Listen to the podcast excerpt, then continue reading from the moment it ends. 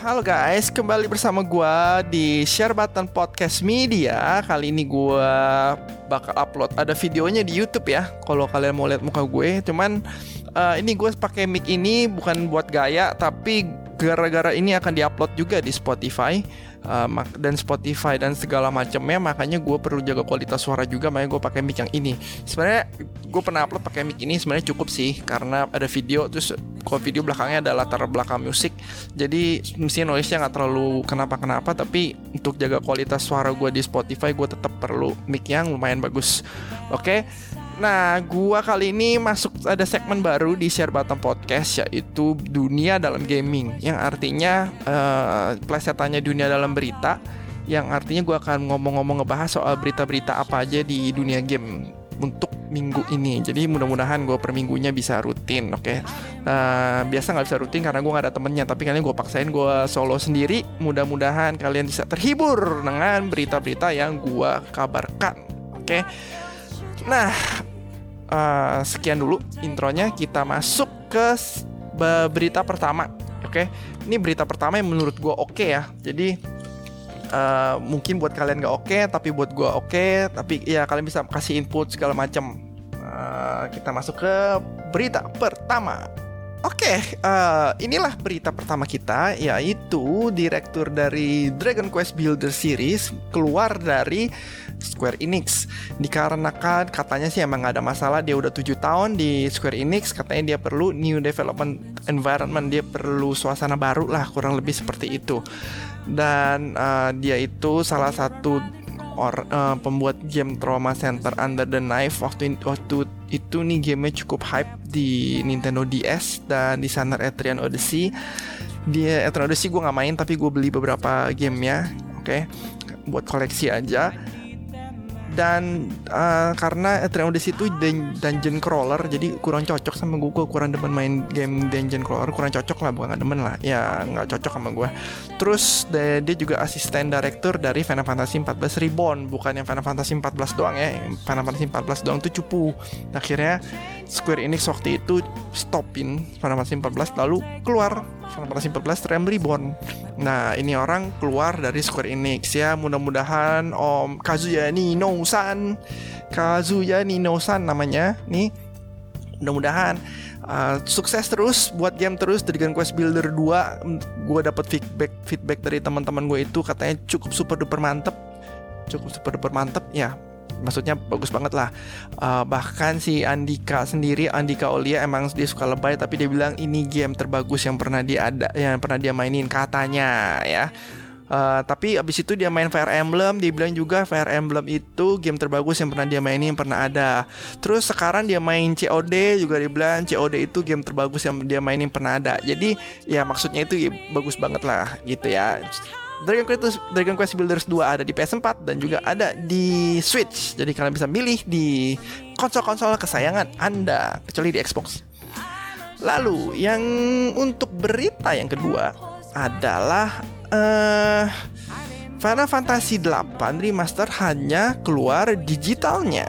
Jadi para teman-teman yang udah ke PHP dari Play Asia yang katanya full price, ternyata menurut uh, kabar langsung dari Square Enix dia bilang hanya digital release only. Uh, waktu itu gue mikir dia keluarin 60 dolar ya waktu itu harganya. Gue pikir in gue pikir it, dia ini akan keluar demonya FF7 remake. Jadi kayak FF Type waktu itulah. Beli beli apa sih beli demo dapat game. F, beli F, beli demo FF15 dapat uh, Final Fantasy Type O. Gue pikir seperti itu. Ternyata tidak hanya 19 dolar dan gue rada skeptical banget dengan harga 19 dolar terutama harga yang keluar dari Square Enix yang biasanya dia milking gila-gilaan. Kita tahu harga Type O waktu itu 700 ribu lebih ya. Dan itu dapat demo FF15 dan orang beli gara-gara demonya. Jadi gue pikir pas harganya ini full price akan keluar demonya FF7 remake. Ternyata ternyata semua itu hanyalah PHP saja. Jadi cuma 19 dolar. Gue rada nggak yakin ini remastered yang bagus. Yang pasti kalau dari trailernya itu ya pixel pixelnya bagus ya tapi kalau kalian main di Steam juga pixelnya udah bagus nah ya mukanya dirapihin tapi gua nggak gua nggak ngerasa remasternya sampai NPC NPC-nya dirapihin juga. Gua rasa kayak Type O. Kalau Type O itu yang di remaster mukanya, muka main karakter aja. Kalau muka-muka NPC-nya didimin aja kayak PSP zaman dulu. Hmm, ya. Jadi ini pendapat gue pribadi keluarnya 3 September nggak salah. Ya mudah-mudahan bagus. Oke. Okay? Kali uh, gue main nggak ya? Gue nggak tahu main apa nggak. Gue coba Astral Chain dulu. Astral Chain baru keluar dari reviewnya mantap-mantap uh, itu dulu yang gue tunggu. Hari Jumat ini keluar seperti biasa. Nintendo keluar GM hari Jumat. Jadi mudah-mudahan uh, Panten Oye mudah-mudahan ya. Dan berita ketiga dari uh, company paling terpopuler di Amerika yaitu EA ini salah satu perusahaan yang paling disegani dan disenangi oleh oleh seluruh warga Amerika yaitu EA ya. Nggak ada yang bercanda. Ini ini dapat penghargaan yang paling dibenci semua orang di Amerika maksudnya yaitu EA dari Respawn Entertainment. Uh, eh, gue udah sem uh, gue udah sempet podcast sama si Hengki sama Playver sama Hengki sama Conrad uh, itu akan keluar nanti dan dia akan jelasin. Tapi gue akan jelasin sebagian besarnya yaitu ada namanya event limited event item yang keluar di Respawn. Jadi cuma dua minggu kok nggak salah eventnya. Dan kalian itu bisa beli barangnya. Tapi uh, keluarnya tuh loot box oke? Okay? kalian bisa dapetin 22 apa 24 item loot box. Satu loot box kalian tebak harganya berapa? 2 dolar? 3 dolar no. 6 dolar. Satu loot box harganya 6 dolar. Jadi kalian bisa dapat satu di antara 22 item itu. Eh 24 item itu. Uh, jadi kurang lebih 144 dolar kalau mau dapetin semuanya. Kali 15 ribu. Ya kalian hitung sendiri lah 2 jutaan lah. 2 jutaan 100 ya 2 jutaan lah. Kurang lebih seperti itu. Uh, jadi para netizen ini marah karena kemahalan karena yang season satunya itu gratis season 2 itu mahal jadi bayarnya satu loot box 6 dolar gitu. Tapi kalau orang kayak gue cuma bisa main satu legend kan pengennya cuma dapat skin itu doang.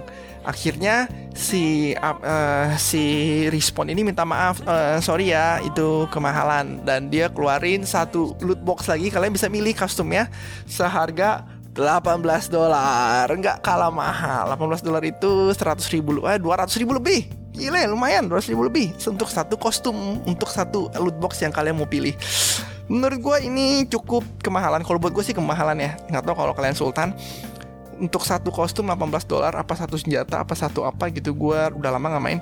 Tapi ya jadi itu bikin internet on fire. Dan yang lebih bikin marahnya lagi lead produsernya itu siapa? Namanya gue lupa itu punya ID di Reddit dan dia bilang um, kita ini gratisan, oke? Okay? Keluar kata-kata yang tidak seharusnya keluar oleh pimpinan perusahaan sebesar Respawn Entertainment. Di situ lah marah kita dibilang freeloader lah, dibilang S lah, dibilang apa gue uh, ada screenshot screenshotnya. Tapi ya pokoknya basicnya seperti itulah. Dia bikin para netizen marah. Uh, jadi apa yang terjadi? Yang terjadi adalah seperti itu marah semua. Ya uh, kalau dari kalau dari gue pribadi kalau dari gue pribadi ya ini kan game gratis gitu loh. Ya jadi kalau harganya mahal sedikit ya nggak apa-apa. Karena cewek gue itu sering beli kostum di mana di mobile game harganya jutaan harganya jutaan. Untuk dapetin satu set itu harganya kurang lebih jutaan. Jadi ya konsol gamer kebanyakan maunya kali ya apa konsol gamer lebih miskin dibandingkan dengan mobile gamer, oke? Okay? Tapi pengen banyak gaya, tapi gue nggak tahu ya. Ya ini kemahalan. Menurut gue juga kemahalan sih, makanya gue nggak beli. Coba kalau 3 dolar, oke? Okay, kemungkinan sih gue beli gitu loh. Tapi kalau 6 dolar untuk ren barang random, terus 18 dolar satu custom gue nggak se royal itu sih. Kecuali kalau kalian sultan, kalau orang-orang mobile sih nggak masalah dengan harga segitu ya. Pure nggak masalah karena uh, grup-grupnya cewek gue itu udah spend jutaan, puluhan juta maybe untuk satu game, satu game mobile loh. Dan grup media tuh ada banyak orang. Ya, gua nggak tahu ya. Tim menurut kalian aja. Menurut gua sih harga segitu nggak nggak masalah. Menurut gua tapi yang nggak tahu menurut kalian dan tapi ya EA itu dari Battlefront 2 nggak belajar kalau PR itu sucks dia harus bikin PR sendiri lah bikin grup PR sendiri yang proper gitu jadi bisa argumen sama para netizen-netizen yang keren yang pinter-pinter dengan bahasa selembut-lembutnya gitu. Harusnya para para apa sih? para lead lead programmer lead programmer ini mendingan kalian nge tweet update ini update situ belajar dari No Man's Sky itu lihat No Man's Sky awal-awal dihajar abis-abisan sama para netizen ya terus sekarang No Man's Sky udah keren banget sampai tiap minggu kalau kalian lihat di Steam ya top sellernya mana? Sekarang top sellernya keseringan itu No Man's Sky. Gue selalu ngeliat top sellernya itu 10 besar selalu No Man's Sky. Ya kalian uh, jadi ya EA please bikin PR yang bagus biar nama lu menjadi lebih bagus lagi karena nama lu tuh udah cukup cukup berat ya cukup berat cukup saks di kalangan dunia gamer seluruh dunia. Di Indonesia uh, di Indonesia dibenci nggak ya? Hmm, gue nggak tahu. Hmm, tapi di Amerika udah dapat penghargaan paling dibenci gitu. Oke, okay? uh, oke okay, masuk ke berita selanjutnya. Jadi ini dapat gue dapat games industry. Jadi kita coba ngeliat dari dunia bisnis gamenya ya yaitu uh, game industri di Eropa ini sebesar 21 miliar euro. 21 miliar euro itu banyak banget ya. Berapa 100 triliun nih. Hmm, iya loh, 100 triliun lebih market pasar gaming. Gila ya, gede banget. Eh, gue gak nyangka. Uh, yang terdiri 47% itu berasal dari konsol. Aneh loh. Dan mobile kan 34% bingung ya kok bisa sekarang konsol gamer itu bisa lebih gede dari mobile apakah di Indonesia begitu gue rasa enggak jadi konsol gaming di Europe di Europe Eropa itu termasuk jadi empat negara ini Prancis, Jerman, Spanyol dan UK. Jadi ini data dari empat negara itu ya. Konsol gaming 47% lumayan gede loh. Konsol gaming gue pikir udah menurun semenjak adanya mobile dan mobile 34%. Oke. Okay? PC 18% sedangkan handheld 2% 2% gue rasa cukup tinggi lah secara PS Vita udah mati Nintendo 3DS juga udah mati dan gue rasa Switch itu termasuk dalam konsol gaming bukan dalam handheld oke okay. ada apa lagi handheld uh, nggak ada handheld nggak ada lagi cuma mobile sama konsol tetapi gue rasa ini konsol gaming ini termasuk mesin konsol sedangkan mobile gaming nggak termasuk handphonenya kalau termasuk handphonenya bisa combine Samsung, LG, Sony, Apple semua digabung ya pasti lebih gede. Tapi itu kan buat telekomunikasi kalau handphone termasuk. Tapi ya begitu. Uh, 47% itu ada di konsol gaming. Dan yang lucunya, yang lucunya ini 46% dari gamer adalah wanita. Apakah ini ada di Indonesia? Apakah 46% gamer di Indonesia adalah wanita? Saya rasa tidak. Saya rasa ini tidak uh, kenapa ya? Well, mau uh, untuk dalam mobile gaming ceweknya 63%. Nah, ini mung mungkin nggak mungkin 63% ya. Sebaik itu nggak, gue nggak terlalu banyak mobile main mobile ya. Tapi kalau gue lihat ngobrol sama uh, kekasih gue yang mobile gamer banget, gue rasa nggak nyampe 63% di Indonesia ya. Kalau di Eropa ini 63% dan PC dan konsol gaming, PC dan konsol gaming 54 dan 44 ada nggak di grup PS4 itu yang cewek tuh berapa tuh? Gue pernah sih party sama cewek Jessica Ica pernah namanya eh, nggak uh, tahu dia masih ingat gue nggak ya. Dan gue pernah party juga sama namanya Priska, tapi ternyata itu dia hode. Untuk Priska itu ternyata hode. Uh, tapi dia bisa ngobrol di party dengan suaranya mencewek-cewekkan diri. Uh, jadi gue rasa 44% di Indonesia ini uh, nggak mungkin ya, nggak mungkin nggak tahu ya. Kalau menurut kalian gimana 44% cewek loh?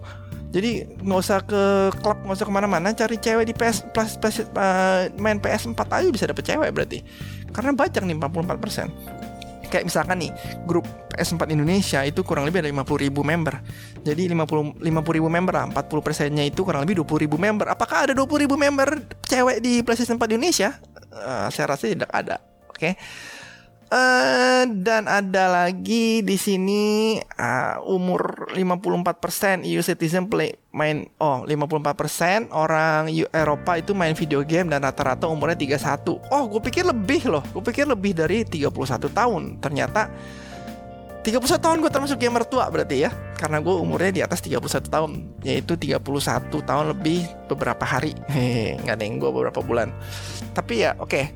Jadi ya datanya seperti ini Hmm, ini hanya berlaku di Eropa sayangnya, tidak berlaku di Indonesia. Gua rasa untuk Indonesia konsol gaming itu hanya sebesar 5%, 10%. Kalian tebak sendiri. Kalau untuk mobile gaming mungkin mungkin lebih tinggi.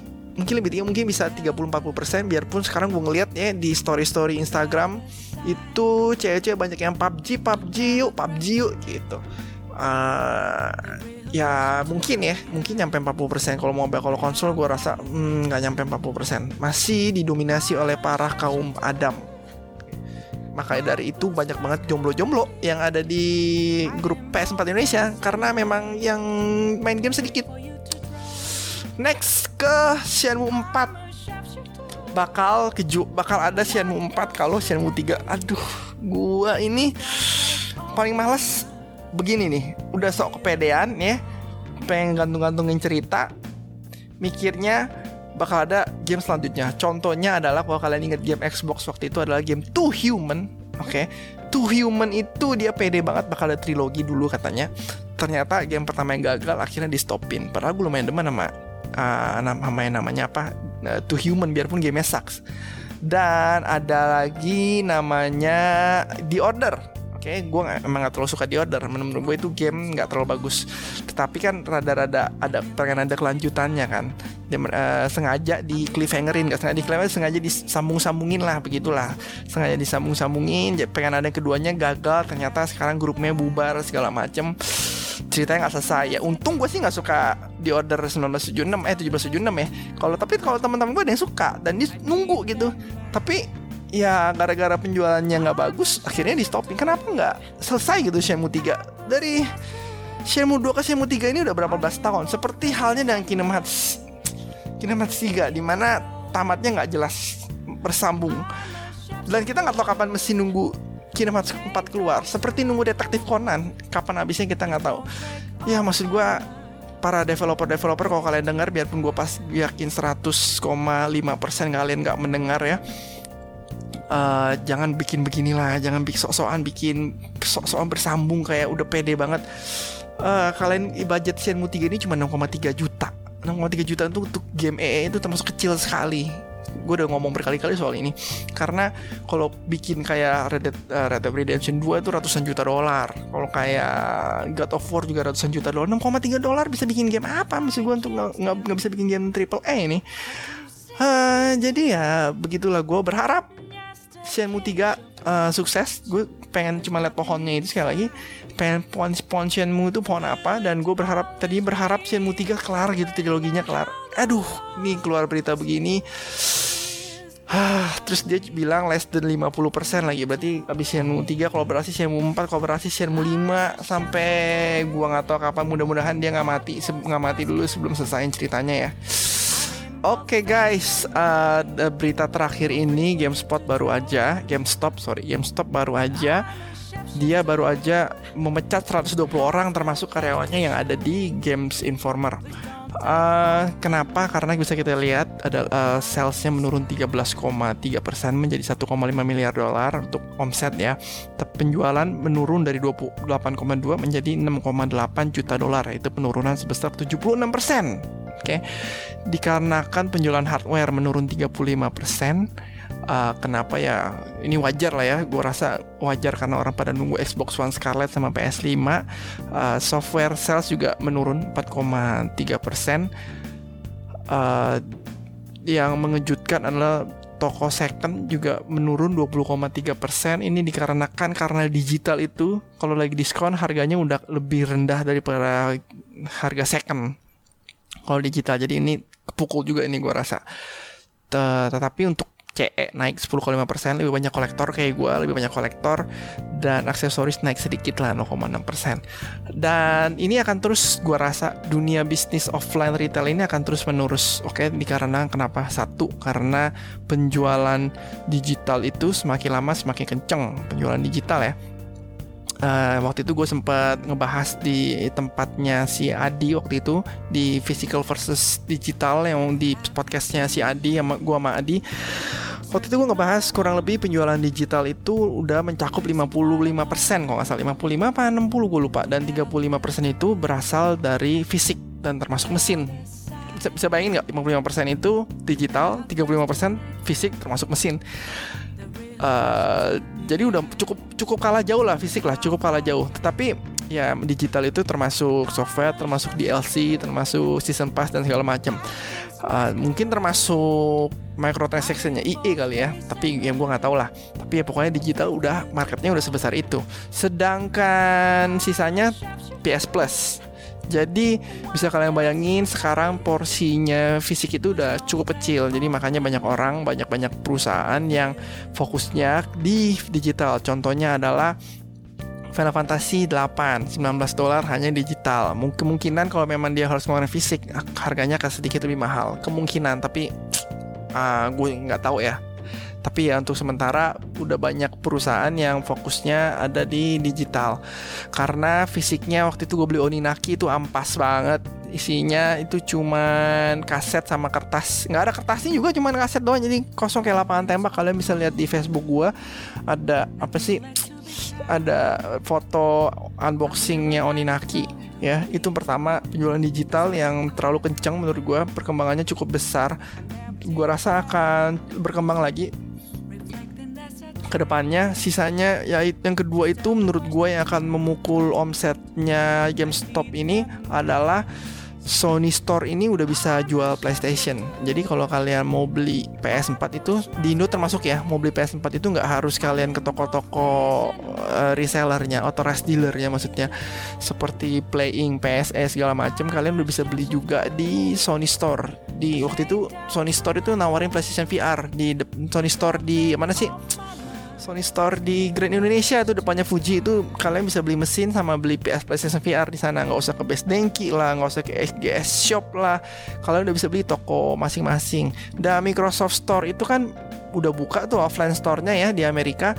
Dan itu gue sih nggak tahu dia jual Xbox apa cuma jual perusahaan Windows. Tapi kalau gue lihat di websitenya yang di Amerika itu Microsoft Windows Store itu bisa pre-order aksesorisnya Xbox loh. Dan bisa pre-order game juga. Jadi gua rasa sih di toko Microsoft di off toko offline-nya yang Microsoft Store itu gua rasa jual Xbox One X juga. Jadi supaya kalian bayangin nggak? Nggak harus ke GameStop lagi untuk beli mesin, bisa beli ke toko langsung dari ujung. Maksudnya langsung dari pusatnya gitu. Jadi mereka mau mau apa sih? Bikin bisnis yang kayak Apple tuh yang dari produksi sampai penjualan dipegang sama Apple semua tuh dari ujung ke ujung dipegang Apple lah kasarnya. Nah Sony ini juga mau bikin dari ujung ke ujung ini dipegang sama Sony sendiri. Makanya sekarang di kalau beli mesin itu udah ada stikernya ya Sony Sony Indonesia. Dan ke depannya kita bisa beli di toko-toko Sony terdekat. Dan toko Sony toko-toko Sony itu di seluruh dunia cukup banyak. Jadi ya kalian bisa bayangin lah kalian bisa bayangin lah uh, bisa bayangin sistemnya Sony ini gimana apakah akan terpukul? Gue rasa akan terpukul banget. Ya namanya dunia bisnis kalian harus beradaptasi harus terus berubah. Oke okay? kalau kalian pakai cara lama terus kalian ngebangkrut satu persatu. Contohnya adalah di Stara blockbuster video di mana dulu sangat besar orang semua orang beli disk di sana. Sekarang gara-gara bajakan gara-gara digital terlalu kencang gua rasa ini salah satu toko yang masih hidup ya offline retail ya. Dan kalau ngomongin di Indonesia gua ngobrol sama teman-teman gua yang seller juga nggak ada yang oh penjualan lagi lumayan lagi nggak ada begitu. Biasa lagi susah lagi susah ya. Karena hal-hal seperti itulah gara-gara bisa beli game digital. Sekarang digital kalau lagi diskon juga harganya bisa seratus ribu. Gila banget. Waktu uh, Far Cry yang New Dawn seratus dua puluhan ribu kalau nggak salah. Dan GOW yang Game of the Year tahun lalu sekarang pun cuma tiga ratusan ribu. Jadi jadi ya gimana ya? Ya digital juga sang ya sangat sangat menarik perhatian orang sih. Sekarang dia dunia internet yang sangat cepat juga. Uh, ya good luck lah GameStop. Mudah-mudahan offline gak terlalu cepat nggak terlalu cepat daunnya dan mungkin PS6 udah digital only. Karena Blu-ray itu sekali lagi gue pernah bilang teknologi lama.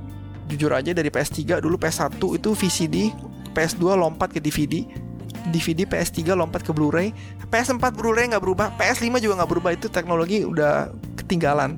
Oke, okay, gua nggak yakin PS6 bisa PS6 itu 5 6 6 10 tahun lagi ya. PS6 bisa Blu-ray ya, bukan bisa Blu-ray sih. Mungkin kan namanya high definition Blu-ray lah apalah, tapi ya begitulah. Uh, kalau Nintendo sih balik ke cartridge lagi ya. Gua nggak tahu apakah Nintendo Switch ke depan Nintendo ke depannya bakal ada digital only tapi ya untuk fisik udah mentok gua rasa apakah ada teknologi baru ke depannya gue juga nggak tahu. Mungkin PS6 kalau nggak nggak gue nggak tahu lah. Nggak gue nggak tahu lah. Tapi kurang lebih 5 10 tahun lagi lah. 5 10 tahun lagi kemungkinan sih akan sangat-sangat down untuk game fisik ya. Untuk game stop apalagi orang udah bisa beli game, uh, udah bisa beli software di toko-toko Sony kok. Toko-toko Sony tuh langsung dari pusatnya. Mendingan beli dari, mending kalau gue sih mending beli di pusat daripada di cabang ya. Tetapi untuk sementara sih hmm, di Indonesia belum bisa. Tetap beli dari cabang karena di cabang-cabang itu di authorized dealer lebih murah biasanya dan lebih lebih ada CE-CE-nya segala macam. Itu kalau buat gue ya. Kalau buat teman-teman ya uh, terserah kalian. Tapi ya inilah menurut pendapat gue sekali lagi pendapat gue pribadi gue peramal juga. Tapi gue ngomong berdasarkan ada alasannya. Kalau kalian bisa setuju boleh. Nggak setuju juga nggak apa-apa. Kalian bisa punya hal-hal yang bisa dibicarakan juga bisa gitu. Oke sekian. Uh, terima kasih. Sebentar ini gue change dulu. Oke, thank you sekali lagi guys for listening. Ini pertama kalinya gue upload di um, podcast Share Button Podcast. Gue upload di mana? Di YouTube dan juga di Spotify. Uh, karena gue ngobrol-ngobrol sama teman gue di Repsul, coba upload ke mana? Ke YouTube. Oke, okay, dan gue juga berusaha akan terus up, up, update berita tiap minggunya ya. Mudah-mudahan berita-berita cukup menarik gak beda, cukup cukup beda gitu dari yang lain. Nggak nggak sama-sama sama terus. Oke okay? sekali lagi thank you guys. Happy gaming and I will see you next time. Ciao bye bye